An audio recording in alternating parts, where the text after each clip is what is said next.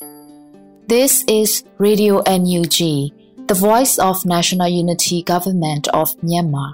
broadcasting for Myanmar Spring Revolution. Radio NUG is transmitting from shortwave 16 meter 17.79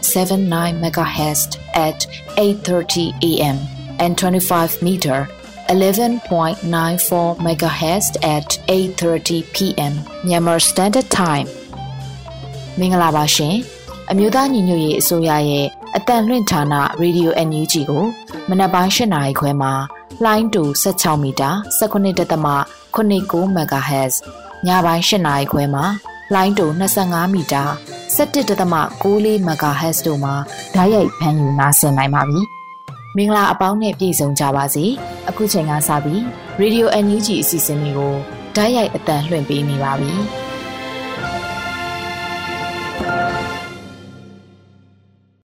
မြန်မာနိုင်ငံသူနိုင်ငံသားအပေါင်းတဘာဝပြီးစစ်အာဏာရှင်ဘေးတို့ကနေကင်းဝေးပြီးကိုစိတ်နှပါကြမ်းမှလုံခြုံကြပါစေလို့ Radio NUG အဖွဲ့သားများကဆုတောင်းမေတ္တာပို့သလာရပါတယ်ရှင်။ကာကွယ်ဝိညာဉ်ဌာနရဲ့စစ်ရေးတည်င်းအကျဉ်းချုပ်ကိုຫນွေဦးအလင်ကမှတင်ဆက်ပေးမှာဖြစ်ပါတယ်ရှင်။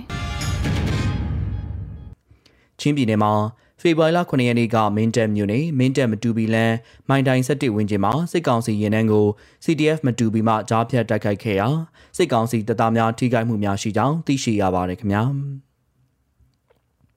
စကိုင်းတိုင်းမှာဖေဖော်ဝါရီလ10ရက်နေ့မနက်8:30မိနစ်ခန့်ကရွှေဘိုမြို့နယ်ရွှေဘိုမြို့ဘက်မှလာတဲ့စစ်ကောင်စီတပ်သားများချောဆွဲလာတဲ့ကံယာမီမှန်လုံကားတစ်စီးကိုဝက်လက်မြို့နယ်အနောက်ချမ်းပြည်သူ့ကာကွယ်ရေးဖွဲ့ငကပြန်တိတ်တိရှင်မှာရွှေဘိုမြို့နယ်ဘုံဘုတ်ကျွော်မြောက်ဘက်မှာမိုင်းကားလုံးနဲ့မိုင်းဆွဲတိုက်ခိုက်ခဲ့ရာကားပြက်စီးသွားပြီးစစ်ကောင်စီတပ်သားများထိခိုက်မှုများပြားရှိခဲ့ပါတယ်။ မိုင်းဆွဲတိုက်ခိုက်မှုအပြီးမှာစစ်ကောင်စီကားနှစ်စီးနဲ့အခင်းပစ်တဲ့နေရာသို့ရောက်ရှိလာပြီးပတ်ဝန်းကျင်ကိုရန်တမ်းပစ်ခတ်ခဲ့ကြောင်းသိရှိရပါတယ်ခင်ဗျာဖေဖော်ဝါရီလ10ရက်နေ့မနေ့တနင်္လာခန့်ကစကိုင်းမြို့နယ်စတောင်မြို့ညောင်ငုတ်တူကျွော်မှာစစ်ကောင်စီတပ်သားနဲ့ပြူစောထီများကိုပြည်သူ့ကာကွယ်တပ်ပေါင်းစုကတိုက်ခိုက်ခဲ့ရာထိတွေ့တိုက်ပွဲဖြစ်ပွားခဲ့ကြောင်းသိရှိရပါတယ်ခင်ဗျာ။ ဖေဖော်ဝါရီလ10ရက်နေ့နေ့လယ်2:55မိနစ်ခန့်ကစကိုင်းမြို့နယ်ညောင်ငုတ်တူကြီးရွာမှထွက်လာတဲ့စစ်ကောင်စီတပ်သား40ကျော်ပါဆက်နက်ဘိန်းကားကိုရုံးပင်ကန်ရွာဂရိတ်စီဆိုင်နီးမှာပြည်သူ့ကာကွယ်ရေးဖွဲ့စကိုင်းနဲ့တောင်တွင်းတူပီတို့မှရှေ့ထွက်မိုင်းလေးလုံးနဲ့မိုင်းဆွဲတိုက်ခိုက်ခဲ့ရာစစ်ကောင်စီတပ်သားများတရားရရှိခဲ့ပြီးလူနာတင်ကား၃စီးနဲ့တန်ရာရစစ်ကောင်စီတပ်သားများကိုလာရောက်တင်ဆောင်သွားခဲ့ကြောင်းသိရှိရပါတယ်ခင်ဗျာ။ ဖေဖော်ဝါရီလ10ရက်နေ့မနက်တနာရီခွဲခန့်ကပလဲမြို့နယ်အင်မတီကျွာရှိပြူစောထီများကိုပြည်သူတော်လိုင်းတက်မတော် PRA တသိနဲ့ PPDG ဗိုလ်တကျိတ်မြိုင် MVRF ပလဲကြိုကနေဒေါင်းနဲ့အဖွဲ့တို့ပူးပေါင်းပြီး၃နာရီကြာတိုက်ခိုက်ခဲ့ရာပြူစောတီနူတေဆုံးကအများအပြားအပြင်းထန်တရားရရှိခဲ့ပြီး PRA မှရဲဘော်တူတရားရရှိကမစိုးရင်ရကြောင်းသိရှိရပါတယ်ခင်ဗျာ။ ဖေဖော်ဝါရီလ9ရက်နေ့မနက်7:00နာရီခန့်နဲ့နေ့လယ်10:15မိနစ်ခန့်ကကလေးမြို့နယ်နှချောင်းကျွော်တောင်ဘက်အောင်ချမ်းသာကျွော်အကြားနဲ့နှမြောင်းစီပင်သာကျွော်အကြားတို့မှာစစ်ကောင်စီကားရှစ်စီးကိုပြည်သူ့ကာကွယ်တပ်မတော်ကလေးပြည်သူ့ကာကွယ်ဖွဲ့ကလေး CNDF CDF KKG KRDF မဟာမိတ်အဖွဲ့များပူးပေါင်းပြီးမိုင်းဆွဲတိုက်ခိုက်ခဲ့ပြီးလက်နက်ငယ်များနဲ့ပစ်ခတ်တိုက်ခိုက်ခဲ့ရာစစ်ကောင်စီတပ်သား18ဦးသေဆုံးပြီးအများအပြားထိခိုက်ဒဏ်ရာရရှိခဲ့ပါတယ်။ CNDF မှာတပ်သားတူကြဆုံးခဲ့ပြီး9ဦးလက်နက်ကြီးကြီးစားထိမှန်တရားရရှိခဲ့ကြောင်းသိရှိရပါတယ်ခင်ဗျာ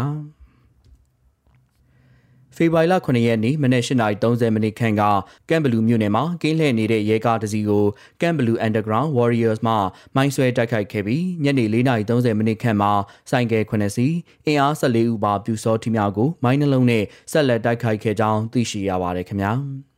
ရန်ကုန်တိုင်းမှာဖေဖော်ဝါရီလ9ရက်နေ့ညနေ6:59မိနစ်ခန့်ကလှိုင်သာယာမြို့နယ်ပသိမ်လမ်းမကြီးပေါ်ရှိလှိုင်သာယာမြို့မရဲစခန်းကို Decatur River Front DRF အဖွဲ့ကဘုံပြစ်လောင်ချာနဲ့ပြစ်ခတ်တိုက်ခိုက်ခဲ့ကြောင်းသိရှိရပါတယ်ခင်ဗျာဆက်လက်ပြီးစစ်ကောင်စီကကျူးလွန်တဲ့ရာဇဝမှုတွေကိုတင်ဆက်ပေးကြပါမယ် ချင်းပြည်နယ်မှာဖေဖော်ဝါရီလ9ရက်နေ့ကမတူပီမြို့နယ်ဇိုတုံနန်ရှီရန်ဆိုင်ကျေးရွာမှာစစ်ကောင်စီတပ်ကဒေသခံပြည်သူများရဲ့နေအိမ်များကိုဖျက်ဆီးခဲ့တဲ့အပြင်စံများဆိုင်ကယ်နဲ့ပစ္စည်းများကိုလည်းမိရှို့ဖျက်ဆီးခဲ့ကြောင်းသိရှိရပါတယ်ခင်ဗျာ။စကိုင်းတိုင်းမှာဖေဖော်ဝါရီလ10ရက်နေ့နေ့လယ်12နာရီခွဲခန့်ကဒဇယ်မြို့နယ်ထန်းကုန်းကြီးကျွော်မှာစစ်ကောင်စီအင်အား60ခန်းကပြည်သူပိုင်နေတလုံးကိုမိရှို့ဖျက်ဆီးခဲ့ကြောင်းသိရှိရပါတယ်ခင်ဗျာ။ မကွေးတိုင်းမှာဖေဖော်ဝါရီလ10ရက်နေ့နေ့လယ်ပိုင်းကပေါက်မြို့နယ်ရေးပြားရွာရှိဆေးဆိုင်ကိုစစ်ကောင်စီများကဝင်ရောက်အကြမ်းဖက်စစ်ဆေးခဲ့ရာပိုင်ရှင်ရဲ့သားနဲ့သမီးကိုဖမ်းဆီးခဲ့ပြီးသမီးဖြစ်သူကိုပြန်လွှတ်ပေးခဲ့ကြောင်းသိရှိရပါတယ်ခင်ဗျာ။ဖေဖော်ဝါရီလ10ရက်နေ့နေ့လယ်ပိုင်းကမြိုင်မြို့နယ်ကိုင်းတော်မရွာမှာဒေါအောင်ဆန်းစုကြည်ပုံတက်တူးထိုးထားတဲ့အတွက်ကြောင့်ပေါက်မြို့နယ်ဖျားတောင်ရွာမှာဇနီးမောင်နှံကိုစစ်ကောင်စီကဖမ်းဆီးခဲ့ကြောင်းသိရှိရပါတယ်ခင်ဗျာ။ ဖေဖော်ဝါရီလ9ရက်နေ့ညပိုင်းကရေစကြိုမြို့ပေါ်ရှိပွဲရုံပိုင်ရှင်15ဦးကို PDF ထောက်ပံ့သူများဆိုကစစ်ကောင်စီများကဆွဆွဲဖမ်းဆီးခဲ့ကြောင်းသိရှိရပါတယ်ခင်ဗျာမန္တလေးတိုင်းမှာဖေဖော်ဝါရီလ9ရက်နေ့ကကြောက်စဲမြို့နယ်ကြောက်စဲမြို့အတွင်းရှိဒေါက်တာမိုဟင်တွန်အနန္ဒဂုံကြီးစေကံကိုစိုးတီဟာတီဟာမိတ်တူနဲ့ကွန်ပျူတာ service ဆိုင်ကိုစိုးရွှေရွှေစင်မောင် ကိုတန်မနီ88ငိမ့်ပွင့်ဇာမနီရောင်းဝယ်ရေးကိုကိုထွေ88ငိမ့်ပွင့်ကိုမင်းသိန်း NLD ကဘာကျော်တေးတန်တွင်းတို့၏နေအိမ်များကိုစစ်ကောင်စီများကမတရားချိတ်ပိတ်ခဲ့ကြောင်းသိရှိရပါတယ်ခင်ဗျာဖေဖော်ဝါရီလ9ရက်နေ့ည9နာရီခန့်ကတောင်တာမြို့နယ်လက်သေးကျင်ကျွရမှာလူငယ်9ဦးကိုအကြမ်းဖက်စစ်ကောင်စီကအုပ်ချုပ်ရေးမှုမှစုညံသည်ဟုဆိုကစစ်ကောင်စီတပ်သားများနဲ့ရဲများကိုခေါ်ကဖမ်းဆီးခိုင်းခဲ့ကြောင်းသိရှိရပါတယ်ခင်ဗျာ ယခုတင်ဆက်သွားတဲ့သတင်းတွေကိုမြေပြင်သတင်းတာဝန်ခံများနဲ့သတင်းဌာနတွေမှာဖော်ပြလာတဲ့အချက်လက်တွေပေါ်အခြေခံပြုစုထားခြင်းဖြစ်ပါတယ်။ကျွန်တော်ကတော့ຫນွေဦးလင်ပါပါ။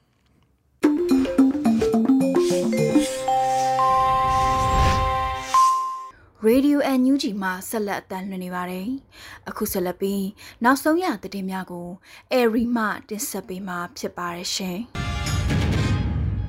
မင်္ဂလာပါရှင်အခုချိန်ကစပြီး Radio NUG မနက်ခင်းသတင်းတွေကိုတင်ပြပေးတော့မှာဖြစ်ပါတယ်အခုတင်ပြပေးမယ့်သတင်းတွေကိုတော့ Radio NUG သတင်းတာဝန်ခံနေနဲ့ခိုင်လုံတဲ့မိဖက်သတင်းအရင်းမြစ်တွေကနေအခြေခံတင်ပြထားတာဖြစ်ပါတယ်ရှင်ကျွန်မကတော့ Airy ပါ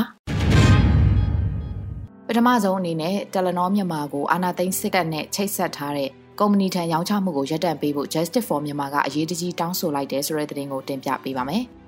Telenor Group ဟာ၎င်းတို့ရဲ့မြန်မာနိုင်ငံ Telecom စီးပွားရေးလုပ်ငန်းကိုအာဏာသိမ်းစစ်တပ်နဲ့ဆက်နွယ်နေတဲ့စီးပွားရေးလုပ်ငန်းစုကြီးထံရောင်းချဖို့စီစဉ်နေတယ်လို့သွေးစွန်းငွေရပ်တန့်ရေးနဲ့တရားမျှတရေးလှုပ်ရှားမှုတွေကိုဆောင်ရွက်နေတဲ့ Justice for Myanmar ကထုတ်ဖော်ရေးသားလိုက်ပါတယ်။ အခုလိုလက်လွတ်စပယ်ရောင်းချခဲ့မယ်ဆိုရင်တရားမဝင်လူသက်စစ်ကောင်စီကိုကြွယ်ဝချမ်းသာစေမှာဖြစ်ပြီးတုံးဆွဲနေသူမြန်မာပြည်သူ18တန်းရဲ့ပုံကိုရေးအချက်လက်တွေကိုစစ်ရာဇဝတ်ကောင်တွေလက်အတွင်းကြားရောက်စေမယ့်အန္တရာယ်လည်းရှိနေတဲ့အကြောင်းထောက်ပြပြောဆိုလိုက်တာပါ။ Norway Telecom ကုမ္ပဏီကြီး Telenor ကို Norway နိုင်ငံအစိုးရက53.69ရာခိုင်နှုန်းပိုင်ဆိုင်တာဖြစ်ပြီးအာဏာသိမ်းပြီးနောက်ပိုင်းရောင်းချမှုမှာစစ်ကောင်စီပါဝင်ပတ်သက်မှုရှိနေပါတယ်။ ရောင်းချမှုဖြစ်မြောက်ခဲ့မယ်ဆိုရင်ခရိုနီစီးပွားရေးလုပ်ငန်းစုကြီးရွှေပြိုင်းဖြူကအဆိုပါ mobile phone operator ရဲ့အဓိကပိုင်ဆိုင်သူဖြစ်လာမှာဖြစ်ပြီးစာရွက်စာတမ်းတွေအရအာနာသိန်းစစ်အုပ်စုရဲ့နာဆာကကောင်စီဝင်2ဦးလည်းအဆိုပါဝယ်ယူမှုမှာပါဝင်နေမှာဖြစ်ပါတယ်။ရွှေပြိုင်းဖြူလုပ်ငန်းစုဟာမြန်မာစစ်တပ်နဲ့စီးပွားရေးဆက်တူလုပ်ကိုင်တဲ့တမိုင်းကြောင်းရှိခဲ့ပြီးကြောက်မြတ်တူးဖော်ရေးလုပ်ငန်းနဲ့ရေနံကုန်သွယ်မှုလှုပ်ဆောင်မှုစစ်တပ်စီးပွားရေးလုပ်ငန်းမြန်မာစီးပွားရေးဥပိုင်လီမိတက်နဲ့အမျက်ငွေခွဲဝေရေးသဘောတူစာချုပ်ချုပ်ဆိုခဲ့ပူပါတယ်။ ဒါအပြင်ရွှေပြိုင်းမြူလုပ်ငန်းစုရဲ့ဒါရိုက်တာတဦးဟာဥရောပသမဂ္ဂရဲ့ဒဏ်ခတ်ပိတ်ဆို့အရေးယူထားတဲ့ Forest Products Joint Venture Corporation Limited ရဲ့ရှယ်ယာရှင်လည်းဖြစ်နေပါတယ်။ Telenor ရဲ့မြန်မာကုမ္ပဏီခွဲကိုဝယ်ယူရရှိမဲ့ကုမ္ပဏီအမည်ကို Investcom မြန်မာလို့အမည်ပေးထားပြီးအဆိုပါရောင်းချမှုကိုဖေဖော်ဝါရီလ15ရက်နေ့ထက်နောက်မကြဘဲအပိသက်လှုပ်ဆောင်မှာဖြစ်တယ်လို့သိရပါတယ်။ Telenor ကတော့အဆိုပါအယောင်းဝယ်မှာရွှေပိုင်းပြူပါဝင်မှုဒါမှမဟုတ် ဘယ်လိုတရားဝင်အဖွဲ့အစည်းထံရောင်းချရဲဆိုတာကိုအတည်ပြုဖို့ညှင်းဆိုထားခဲ့ပြီးပွင့်လင်းမြင်သာမှုကင်းမဲ့နေခြင်းကလည်းစိုးရိမ်ဖွယ်ရာဖြစ်တယ်လို့တရားမျှတရေးအင်အားစုတွေကထောက်ပြနေကြပါတယ်။ Justice for Myanmar ကကြည့်ရှုခဲ့တဲ့တက်တဲ့အထောက်အထားတွေအရ Telenor က၎င်းတို့ရဲ့ရောင်းဝယ်မှုမှာပိုင်ဆိုင်မှုကိုပြည်တွင်းကုမ္ပဏီတစ်ခုထံလွှဲပြောင်းပေးဖို့ခွင့်ပြုထားကြောင်းတွေ့ရတယ်လို့ဆိုပါတယ်။ Telenor အနေနဲ့စစ်တပ်နဲ့ဆက်နွယ်တဲ့ကုမ္ပဏီတစ်ခုထံရောင်းချတာကိုသိရတဲ့တခြားတစ်ဖက်မှာအဆိုပါရောင်းချမှုက M1 Group ထံဖြစ်တယ်လို့ပြည်သူလူထုကိုလှည့်စားဖော်ပြပြီးစစ်တပ်နဲ့အတူဖုံးဖိကွယ်ဝှက်မှုမှာပါဝင်နေတာကိုညွှန်ပြနေတယ်လို့ဖော်ထုတ်မှုကိုခံနေရပါတယ်။ အဆိုပါအယောင်းဝယ်မှာစစ်ဗိုလ်ချုပ်ကြီးတွေပါဝင်မှုဟာဥရောပသမဂ္ဂရဲ့မြန်မာနိုင်ငံဆိုင်ရာကန့်သက်ပိတ်ပင်ရေးပြဋ္ဌာန်းချက်တွေကိုချိုးဖောက်ရာရောက်နေပါတယ်။ရောင်းချမှုမှာစစ်ကောင်စီရဲ့ဂျောင်းဝင်ပတ်သက်မှုထိပ်ပိုင်းစစ်ဗိုလ်ချုပ်ကြီးတွေပါဝင်မှုစစ်တပ်နဲ့ရွှေပြိုင်းဖြူတို့ရဲ့နက်ရှိုင်းနဲ့စီးပွားရေးဆက်နွယ်မှုရွှေပြိုင်းဖြူအနေနဲ့တယ်လီကွန်လုပ်ငန်းမှာအတွေ့အကြုံမရှိဆိုတဲ့အချက်တွေကအဲ့ဒီကုမ္ပဏီဟာစစ်တပ်ရဲ့ထိန်းချုပ်မှုအောက်မှာတွယ်ဝိုက်ပြီးရှိနေနိုင်ကြောင်းညွှန်းဆိုပါတယ်လို့ Justice for Myanmar ကထောက်ပြပါတယ်။ဥရောပသမဂ္ဂရဲ့ဒဏ်ခတ်ပိတ်ဆို့မှုတွေအရဒဏ်ခတ်ပိတ်ဆို့ထားတဲ့လူပုဂ္ဂိုလ်တွေထံ စီးပွားရေးအရင်းမြစ်လက်လန်းမီရရှိစေမှုကိုတားမြစ်ကန့်သက်ထားပြီးအဆိုပါပုဂ္ဂိုလ်တဦးကအဖွဲ့အစည်းတစ်ခုခုကိုထိန်းချုပ်ထားတဲ့အခါမှာလည်းတက်ရောက်ပါတယ်။နော်ဝေနိုင်ငံဟာဥရောပစီးပွားရေးနယ်မြေအဖွဲ့ဝင်နိုင်ငံတစ်နိုင်ငံဖြစ်ပြီးရေပုံရအဖြစ်ဥရောပသမဂ္ဂတန်ခတ်ပိတ်ဆို့မှုတွေကိုလည်းလိုက်နာရပါတယ်။ Justice for Myanmar ပြောရေးဆိုခွင့်ရှိသူမယရနာမောင်ကတယ်လနောအနေနဲ့သူတို့ရဲ့စီးပွားရေးလုပ်ငန်းကိုရောင်းချဖို့တရားမဝင်စစ်ကောင်စီနဲ့ကြံရပါပတ်သက်လှုပ်ဆောင်နေတာ ဝယ်ယူသူဘယ်သူဖြစ်တယ်ဆိုတာကိုဖုံးကွယ်နေတာကစိတ်ပြက်ဖွယ်ရာဖြစ်ပါတယ်။တယ်လနောရဲ့တရားမဲ့ရောင်းချမှုကစစ်ကောင်စီရဲ့စစ်ရာဇဝဲမှုတွေနဲ့လူသားမျိုးနွယ်အပေါ်ကျူးလွန်တဲ့ရာဇဝဲမှုတွေကိုအားပေးထောက်ပံ့နေတဲ့ကြီးစံနေဘုံနေနဲ့ဂျက်တိုက်လေရင်လောင်စာဆီတွေအတွက်ငွေကြေးအကူအညီတွေဖြစ်လာပါလိမ့်မယ်။တယ်လနောအုပ်စုရဲ့အများစုပိုင်ဆိုင်သူနော်ဝေအစိုးရအနေနဲ့အဲ့ဒီရောင်းချမှုကြောင့်ဖြစ်ပေါ်လာမဲ့ပြည်သူတွေအပေါ်ကြီးမားတဲ့ထိခိုက်ခံစားရမှုတွေအတွက်တာဝန်ရှိပါတယ်လို့ပြောဆိုခဲ့ပါတယ်။ အခုလိုအာဏာသိမ်းစစ်အုပ်စုနဲ့ချိတ်ဆက်ထားမှုရှိတဲ့လုပ်ငန်းစုကြီးတွေထံတယ်လနောရောင်းချမှုပြီးမြောက်သွားမယ်ဆိုရင်တယ်လနောမြန်မာအခွန်ဝင်ငွေတွေဟာစစ်ကောင်စီထံကိုစီးဆင်းသွားမှာဖြစ်ပါတယ်။စစ်ကောင်စီရဲ့စစ်ရာဇဝတ်မှုတွေကိုငွေကြေးထောက်ပံ့မှုတည်တည်ချာချာဖြစ်လာနိုင်ပွဲလည်းရှိပါတယ်။နော်ဝေအာဏာပိုင်တွေအနေနဲ့အဆိုပါရောင်းချမှုကိုရပ်တန့်အဆုံးသတ်ရေးဂျာဝင်ဟန်တာမှုချက်ချင်းလှုပ်ဆောင်မှု Justice for Myanmar ကတောင်းဆိုပါတယ်လို့ရေးသားဖော်ပြထားပါတယ်ရှင်။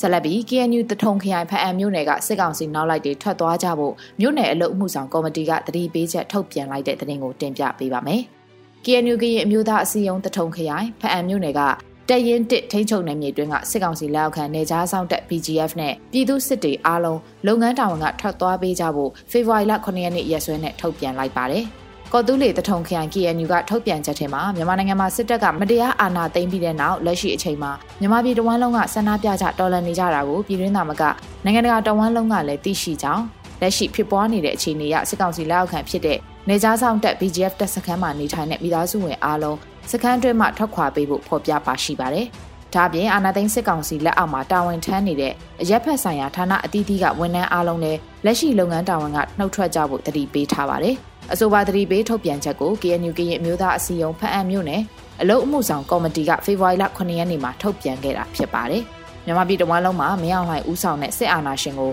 စုပေါင်းခုခံတွန်းလှန်စစ်တွေပြင်းထန်ခဲ့ပြီးတစ်နှစ်ကာလအလွန်မှာတော့ထာဝရငြိမ်းချမ်းရေးဆွေးနွေးဖို့ကမ်းလှမ်းတယ်လို့စစ်အုပ်စုကသတင်းထုတ်ပြန်ထားပါတယ်။တိုင်းသားလက်နက်ကိုင်အင်အားစုတွေဘက်ကဘယ်အဖွဲ့တက်ရောက်မယ်မတက်ရောက်ဘူးဆိုတဲ့အတန်တွေကတော့မျိုးစုံပဲထွက်ပေါ်နေပါတယ်။ KNU ဗဟိုကော်မတီဝင်ဖရိုစောတော်နီကတော့ အာနာသိန်းစစ်တပ်ရဲ့ကမ်းလှမ်းမှုနဲ့ပတ်သက်ပြီးငြိမ်းချမ်းရေးပြောနေပေမဲ့ကျွန်တော်တို့ဒေသကိုထိုးစစ်တွေလုပ်နေတဲ့အခါကျတော့ဒီအချိန်ဒီကာလမှာဘလို့မှယုံကြည်မှုကတိဆောက်လို့မရပါဘူး။လွန်လဲလွန်သွားပြီလို့ပြောဆိုပြီးလူသက်အကြမ်းဖက်စစ်တပ်ကကမ်းလှမ်းတဲ့ဆွေးနွေးပွဲကိုတက်ရောက်မှာမဟုတ်ဘူးလို့ညင်းဆိုထားပါတယ်။အလားတူပဲ KIO KIA ဥက္ကဋ္ဌအင်ဘန်လာကလည်းတော်လန်တိုက်ခိုက်နေတဲ့အဖွဲ့အစည်းအလုံးဟာဒီကနေ့အချိန်မှာ NUG အစိုးရနဲ့တူလက်တွဲပြီးအာဏာရှင်ကိုပူးပေါင်းတွန်းလှန်ကြဖို့လဲ62နှစ်မြောက်ကချင်တော်လှန်ရေးနေ့မိန့်ခွန်းမှာပြောကြားထားပါတယ်ရှင်။ အာနာသိမ်းပြီးနောက်ပိုင်းစီရေးတင်းမာယုံသာရှိတဲ့တိုက်ပွဲထိတွေ့မှုမရှိခဲ့တဲ့ရခိုင်ပြည်နယ်မှာဖေဖော်ဝါရီလ9ရက်နေ့ကစလို့ထိတွေ့တိုက်ပွဲတွေတဖန်ဖြစ်ပေါ်ခဲ့ပါတယ်။ဖေဖော်ဝါရီလ9ရက်ည7:15မိနစ်အချိန်လောက်မှာလဲရခိုင်ပြည်နယ်မောင်တော်မြို့နယ်ဖားဝတ်ချောင်ကျေးရွာအနီးမှာရှိတဲ့ကွန်ကရစ်တရားမှာတေဘာကားအမျိုးအစားနဲ့စစ်ကောင်စီတပ်သားတွေတည်ဆောင်လာတဲ့ကားတစ်စီးမိုင်းဆွဲခံလိုက်ရပါတယ်။တိုက်ခိုက်မှုကြောင့်ကားပေါ်ပါလာတဲ့ဒေသခံ2ဦးသေဆုံးသွားတယ်လို့သိရပါတယ်။ မိုင်းဆွဲခံလိုက်ရတဲ့ကားကတော့ကျင်းချောင်းကျေးရွာကနေဖားဝဲချောင်းကျေးရွာကိုမောင်းနှင်လာချိန်မှာမိုင်းခွဲခံလိုက်ရတာဖြစ်တဲ့ကြောင်းလုံခြုံရေးအရာအမည်မဖော်လို့တဲ့ဖားဝဲချောင်းကျေးရွာသားတအူးကပြောပြပါဗျ။ကားကတစ်တင်တဲ့ကားအဲ့ဒီကားထဲမှာမြန်မာစစ်သားတွေကိုတင်လာတယ်လို့သိရတယ်။ဘယ်အဖွဲ့ကမိုင်းခွဲလိုက်တာလဲဆိုတာကိုတော့တိတိကျကျမသိဘူး။ကားပိုင်ရှင်အမျိုးသမီးလည်းသိတယ်။အကူတယောက်လည်းသိသွားတယ်လို့ပြောပြပါဗျ။ သေဆုံးသူနှစ်ဦးမှာဖားဝတ်ကျေးရွာမှာကားပိုင်ရှင်အသက်50အရွယ်ရှိဒေါ်စောခင်လာနဲ့ငန်းချောင်းကျေးရွာမှာအသက်25နှစ်အရွယ်ကိုအေးကိုကိုတို့ဖြစ်တယ်လို့သိရပါတယ်။ဖားဝတ်ချောင်းကျေးရွာအုပ်ချုပ်ရေးမှူးဦးကျော်ဝင်းကမိုးလင်းတော့ကျွန်တော်ကိုစစ်တပ်ကဖုံးဆက်လာတယ်အလောင်းနှလောင်းတည်လာဖို့ကျင်းချောင်းတက်ရင်ကဖုံးဆက်လာတာအခုတော့အလောင်းရွာကိုရောက်နေပြီဘယ်ဖွဲ့ကမိုင်းဆွဲတာလဲတိတိကျကျမသိရဘူးကားမှာတော့မြန်မာစစ်သားတွေပါလာတယ်လို့သိရတယ်လို့သူကပြောပါတယ် အဆိုပါကားမိုင်းခွဲခံရပြီးတဲ့နောက်မှာတော့နိုင်ဝက်လောက်လက်နက်ကြီးလက်နက်ငယ်ပစ်ခတ်တဲ့နေကြားလိုက်ရတယ်လို့လည်းရွာသားတွေကပြောပြကြပါတယ်ပြီးခဲ့တဲ့ဖေဖော်ဝါရီလ၄ရက်နေ့ကရခိုင်တပ်တော် AA နဲ့အာနာသိန်းစစ်တပ်တို့ကြားတိုက်ပွဲမှာရခိုင်တပ်တော် AA ဘက်ကတပ်သားတအူးကြာဆုံးခဲ့ရပါတယ်။ဖေဖော်ဝါရီလ6ရက်နေ့မှာတော့မောင်နှောမြို့နယ်မိတိုက်ကျေးရွာအနီးမှာအာနာသိန်းစစ်တပ်နဲ့ရခိုင်တပ်တော်တို့တိုက်ပွဲဖြစ်ပွားခဲ့ရမှာမြန်မာစစ်တပ်ဘက်က9ဦးသေဆုံးခဲ့တယ်လို့သိရပါတယ်။ ဒါအပြင်မောင်တော်မြို့နယ်ကျိန်ချောင်းကျေးရွာကနေအထက်ပိုင်းကျေးရွာကိုပြေးဆွဲနေတဲ့ရင်လိုင်းတွေကိုဖေဖော်ဝါရီလ9ရက်နေ့ကစပြီးတော့အကြမ်းဖက်စစ်ကောင်စီဘက်ကပိတ်ထားပါတယ်။ကျိန်ချောင်းကအထက်ပိုင်းကိုပြေးဆွဲနေတဲ့လိုင်းကားတွေကိုပိတ်လိုက်ပါတယ်။ကိုပိုင်ကားနဲ့သွားတဲ့သူတွေကိုလည်းစစ်ဆေးမှုတွေအရန်လုပ်နေပါတယ်လို့ကျေးရွာသားတအုပ်ကပြောပြပါတယ်။မောင်တော်မြို့ကိုရောက်ရှိနေတဲ့ဝန်ထမ်းတွေအားလုံးတာဝန်ကျရာနေရာကိုပြန်ချဖို့ခက်ခဲနေပြီးဖေဖော်ဝါရီလ10ရက်နေ့မနက်ပိုင်းကစလို့ကြီးကဲမြင့်ဌာနချုပ်ခိတ်ကိုလည်းပိတ်ထားလိုက်တဲ့အတွက် မောင်တော်မြောက်ပိုင်းတစ်ခုလုံးနေပါပိတ်ဆို့ခံထားရတဲ့အခြေအနေမှာရှိနေတယ်လို့သိရပါတယ်ရှင်။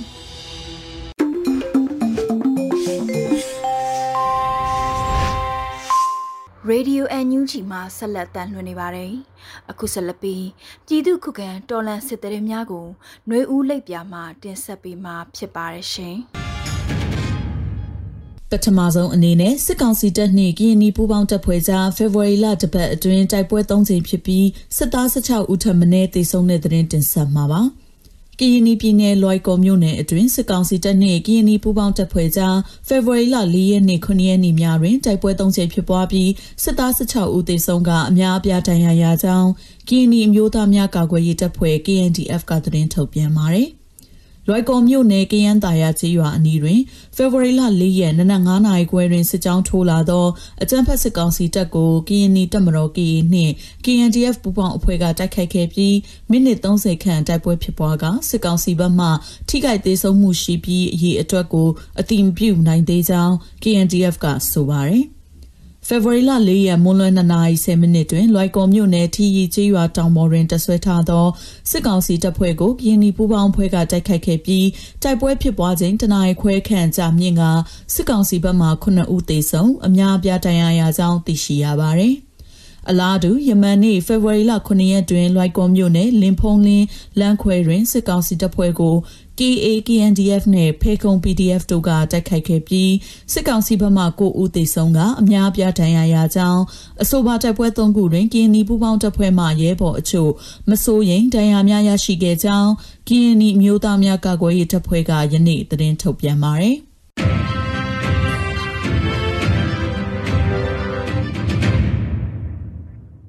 ဆက်လက်တင်ဆက်ပေးမှာကတော့ကော်တူးလေနယ်မြေတွင်ဇန်နဝါရီလအတွင်းတိုက်ပွဲ435ချင်းဖြစ်ပွားခဲ့ပြီးစစ်ကောင်စီတပ်နှင့် PGF ဘက်မှ399ဦးသေဆုံးပြီး KNL ရဲဘော်9ဦးကြာဆုံးတဲ့တဲ့မှာ2022ခုနှစ်ဇန်နဝါရီလအတွင်းအကြမ်းဖက်စစ်ကောင်စီတပ် PGF ပူးပေါင်းတပ်ဖွဲ့များနဲ့ KNL KNDO PDF ပူးပေါင်းတပ်ဖွဲ့များအကြားတိုက်ပွဲ435ချင်းဖြစ်ပွားခဲ့ပြီးစစ်ကောင်စီနှင့် BGF ဘက်မှ399ဦးသေဆုံးက KNL ပူးပေါင်းတပ်ဖွဲ့ဘက်မှရဲဘော်ကို9ဦးကြာဆုံးကြောင်းသတင်းရရှိပါရယ်တိုက်ပွဲ435ချိန်တွင်စစ်ကောင်စီတပ်နှင့် BGF ဘက်မှ339ဦးသေဆုံးက313ဦးဒဏ်ရာရကြောင်းနှင့် KNL KNTO PDF ပူးပေါင်းတပ်ဖွဲ့ဘက်မှ9ဦးကြာဆုံးက24ဦးဒဏ်ရာရကြောင်းကရင်မျိုးသားအစည်းအရုံးကသတင်းထုတ်ပြန်ပါတယ်။မူတရဖပွန်ခရိုင်နှင့် 4K ကော့ဒေတာတွင်အကြမ်းဖက်စစ်ကောင်စီကလေကြောင်းမှတဆင်ဘုံကျဲပစ်ခတ်တိုက်ခိုက်မှုကြောင့်အပြစ်မဲ့အရတားပြည်သူ12ဦးသေဆုံးက32ဦးဒဏ်ရာရခဲ့ပြီးနေအိမ်အချို့နှင့်ရာခင်းများထိခိုက်ပျက်စီးမှုများရှိခဲ့ပါတယ်။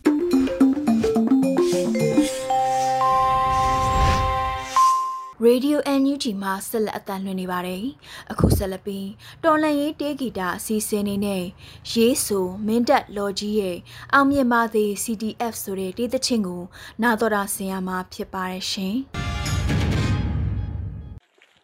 တနက်ကိုအဲ့လိုမလွယ်နဲ့အစင်သင့်ကင်ထားတစ်ထည့်မဟုတ်ကျင်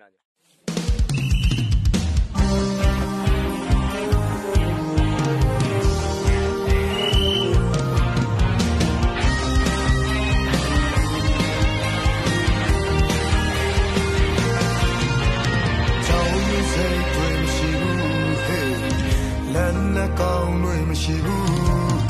မတရားတော့စစ်ကိုနိုင်ရမယ်ဘုရားနဲ့အတူတိုက်ပွဲဝင်နေစီအား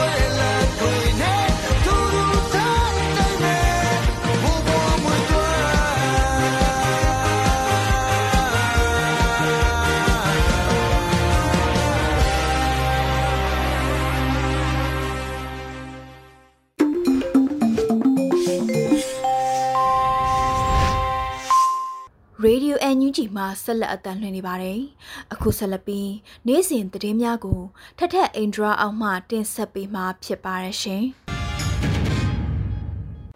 ပထမဆုံးတင်ဆက်ပေးမယ့်သတင်းကတော့အမျိုးသားညီညွတ်ရေးအစိုးရအဖွဲ့အစည်းအဝေး9မြင်းဆောင်2022ဒီကနေ့မနက်ပိုင်းမှာပြုလုပ်ခဲ့တဲ့ဆိုတဲ့သတင်းမှာအမျိုးသားညီညွတ်ရေးအစိုးရအဖွဲ့အစည်းအဝေး9မြင်းဆောင်2022ကိုဒီကနေ့မနက်7:00နာရီလောက်မှာပြုလုပ်ခဲ့ပြီးယာယီသမရတူဝါလက်ရှိလာ ပြည်ထောင်စုဝန်ကြီးချုပ်မန်ဝင်းခိုင်တန်းနဲ့ပြည်ထောင်စုဝန်ကြီးတွေဒုဝန်ကြီးတွေတက်ရောက်ခဲ့ကြပါတယ်။အစည်းအဝေးမှာယာယီသမရကြီးကဖေဖော်ဝါရီတရက်အာဏာသိမ်းရန်ကြံရွယ်မှုတစ်နှစ်ပြည့်တဲ့နေ့မှာလူထုဦးဆောင်တဲ့တနိုင်ငံလုံးအတိုင်းအတာနဲ့အာဏာသိမ်းမှုကိုစန့်ကျင်တဲ့ Silent Strike လှုပ်ရှားမှုကိုလူထုတရက်လုံးရဲရဲဝံ့ဝံ့ပါဝင်ခဲ့ကြတာကိုလေးစားဂုဏ်ယူမိတယ်ဆိုတာနဲ့ တစ်ဖက်မှာလည်းအာဏာသိမ်းတစ်နှစ်ပြည့်တဲ့အချိန်မှာအမေရိကန်ကနေဒါနဲ့ပြည်ထောင်အစိုးရတို့ပူးပေါင်းပြီးအာဏာရှင်တွေနဲ့သူတို့ရဲ့ထောက်တိုင်တွေကိုစီးပွားရေးအရပိတ်ဆို့ဒဏ်ခတ်အရေးယူမှုတွေပြုလုပ်ခဲ့တယ်လို့ပြောကြားခဲ့ပါတယ်။ဒါအပြင်လာမယ့်ပြည်ထောင်စုနေ့အကြောင်းအရာကိုပိုင်ပြဋ္ဌာန်းခွင့်နဲ့ Federal Democracy စနစ်ထူထောင်ဖို့ကတိပြုတာနဲ့အာဏာရှင်တွေကိုစန့်ကျင်တော်လှန်နေတဲ့အဖွဲ့အစည်းတွေတိုင်းရင်းသားတွေအားလုံးပါဝင်လာနိုင်အောင်အစိုးရအဖွဲ့ကက်ဘိနက်အဖွဲ့တွေဝိုင်းဝန်းကြိုးစားကြဖို့လည်းတိုက်တွန်းထားတာပါ ပြည်ထောင်စုဝန်ကြီးချုပ်မန်ဝင်းခိုင်တန်းကလည်းအမျိုးသားညီညွတ်ရေးအစိုးရအနေနဲ့တော်လှန်ရေးအင်အားစုအသီးသီးနဲ့အတူကြိုးပမ်းဆောင်ရွက်သွားမယ်ဆိုတာကိုဒီကနေ့အစည်းအဝေးမှာထပ်လောင်းကတိပြုပြောကြားထားပါတယ်။ဂျာကာလာအုပ်ချုပ်မှုဖော်ဆောင်နိုင်ရေးအတွက်မြို့နယ်အသစ်တွေဖွဲ့စည်းနိုင်ဖို့လဲစီမံဆောင်ရွက်နေတာတွေရှိသလိုတရားဥပဒေစိုးမိုးရေးအတွက်လုံခြုံရေးနဲ့ရဲတပ်ဖွဲ့ဖွဲ့စည်းရေးစီမံချက်ကိုလည်းရေးဆွဲနေတာရှိပါတယ်။ ဒါအပြင်ရဲတပ်ဖွဲ့ဥပဒေချမ်းကိုလည်းပြည်ထောင်ကဦးဆောင်ပြီးရေးဆွဲနေတာပြီးသွားပြီဖြစ်ပါကြောင်းပြောကြားခဲ့ပါတယ်။လက်ရှိချိန်မှာခုခံကာကွယ်စစ်ဟာလည်းအတော်လေးခီးရောက်နေပြီဖြစ်တယ်လို့မြို့ကြီးတွေရောကျေးလက်မှာပါမကြမ်းပြည်သူတွေရဲ့တော်လှန်မှုပုံစံကကျသွားတာမရှိဘဲနဲ့လူလူကတောက်ခန့်တွန်းလှန်နေစေဖြစ်တာမို့မဝေးတော့တဲ့အောင်မြင်မှုအတွက်ရေကုန်ရေကန်တိုက်ပွဲဝင်ဖို့အတွက်လည်းပြောကြားထားပါတယ်။အစည်းအဝေးမှာပြည်ထောင်စုဝန်ကြီးတွေတင်ပြဆွေးနွေးခဲ့တာမှာ ဖရယ်ပြည်ထောင်စုရေးရာပြည်ထောင်စုဝန်ကြီးဒေါက်တာစလိုင်းငယ်မုံစာကောင်ကပင်လုံစာချုပ်ချုပ်ဆိုခြင်း85နှစ်မြောက်အခမ်းအနားနဲ့ပတ်သက်ပြီးတင်ပြဆွေးနွေးခဲ့ပြီးတော့အစည်းအဝေးကိုမနက်10:45မိနစ်မှာရုပ်သိမ်းလိုက်တယ်လို့သိရပါဗျ။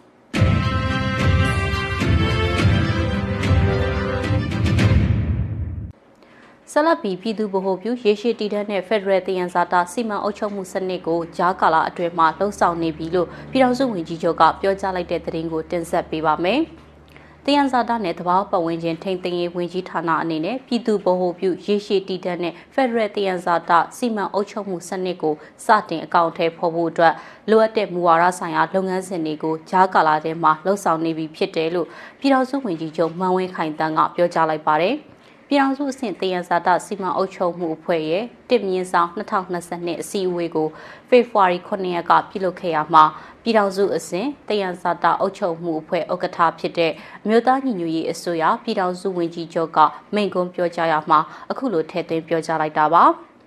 တယံဇာတာနဲ့ပဝင်းကျင်ထိန်တရေးဝင်ကြီးဌာနအနေနဲ့ဂျာကာလာအတွက်ကောင်းထေဖို့ဆောင်ရွက်နေတဲ့ရည်ရွယ်ချက်တွေတဲကဖက်ဒရယ်တယံဇာတာဆိုင်ရာမူဝါဒမဟာဗျူဟာနဲ့လုပ်ငန်းစဉ်ချမှတ်ဆောင်ရွက်ဖို့နဲ့ပြည်သူ့ဗဟိုပြုတဘာတယံဇာတာနဲ့ပတ်ဝန်းကျင်စီမံခန့်ခွဲမှုစနစ်တရဲ့ချမှတ်ဆောင်ရွက်ဖို့စတဲ့ရည်ရွယ်ချက်တွေနဲ့အကောင့်ထဲပေါ်နေတယ်လို့ဆိုပါတယ်။ ဒါအပြင်ဂျာကာလာအတွင်းမှာတယံဇာတာတွေကိုအောက်ခြေအုပ်ချုပ်ရေးကနေစနစ်တကျစီမံအုပ်ချုပ်သွားနိုင်မှုအတွက်တိုင်းဒေသကြီးတွေမှာရှိတဲ့လွတ်မြောက်ဒေသတွေအတွက်တယံဇာတာစီမံအုပ်ချုပ်မှုဆိုင်ရာအရေးပေါ်လှုပ်ထုံးလုပ်နည်းတွေကိုဒီဇင်ဘာလ23ရက်မှာအတည်ပြုထုတ်ပြန်ထားနိုင်ခဲ့တယ်လို့ပြည်ထောင်စုဝန်ကြီးချုပ်ကပြောပါတယ်။ တစ်တော်ရွှေတက်တုဓာတ်တက်တုနဲ့ကြောက်မြမြအပါအဝင်တယံဇာတာတွေအတွက်လည်းလိုအပ်တဲ့လုပ်ငန်းလမ်းညွှန်ချက်လုံထုံးလုံနည်းတွေကိုလည်းတည်ဆဲဥပဒေဤဥပဒေတွေပေါ်မူတည်ပြီးတော်လှန်ရေးကာလနဲ့လျော်ညီအောင်ဆက်လက်ရေးဆွဲမှာဖြစ်ပါတယ်။ဒါအပြင်ဝင်ကြီးချုပ်မန်ဝင်းခိုင်တန်းကတော်လှန်ရေးအောင်မြင်ဖို့နဲ့ Federal ပြည်ထောင်စုတည်ဆောက်ရေးအတွက်ဂျာကာလာတယံဇာတစီမံအုပ်ချုပ်မှုကိုအောင်မြင်စွာအကောင့်ထဲပေါ်နိုင်ဖို့သက်ဆိုင်ရာဝန်ကြီးဌာနအသီးသီးကနေ မြန်မြန်ဆန်ဆန်ထိထိရောက်ချိတ်ဆက်ဆောင်ရွက်ဖို့လိုတယ်လို့ပြောကြားထားပါတယ်။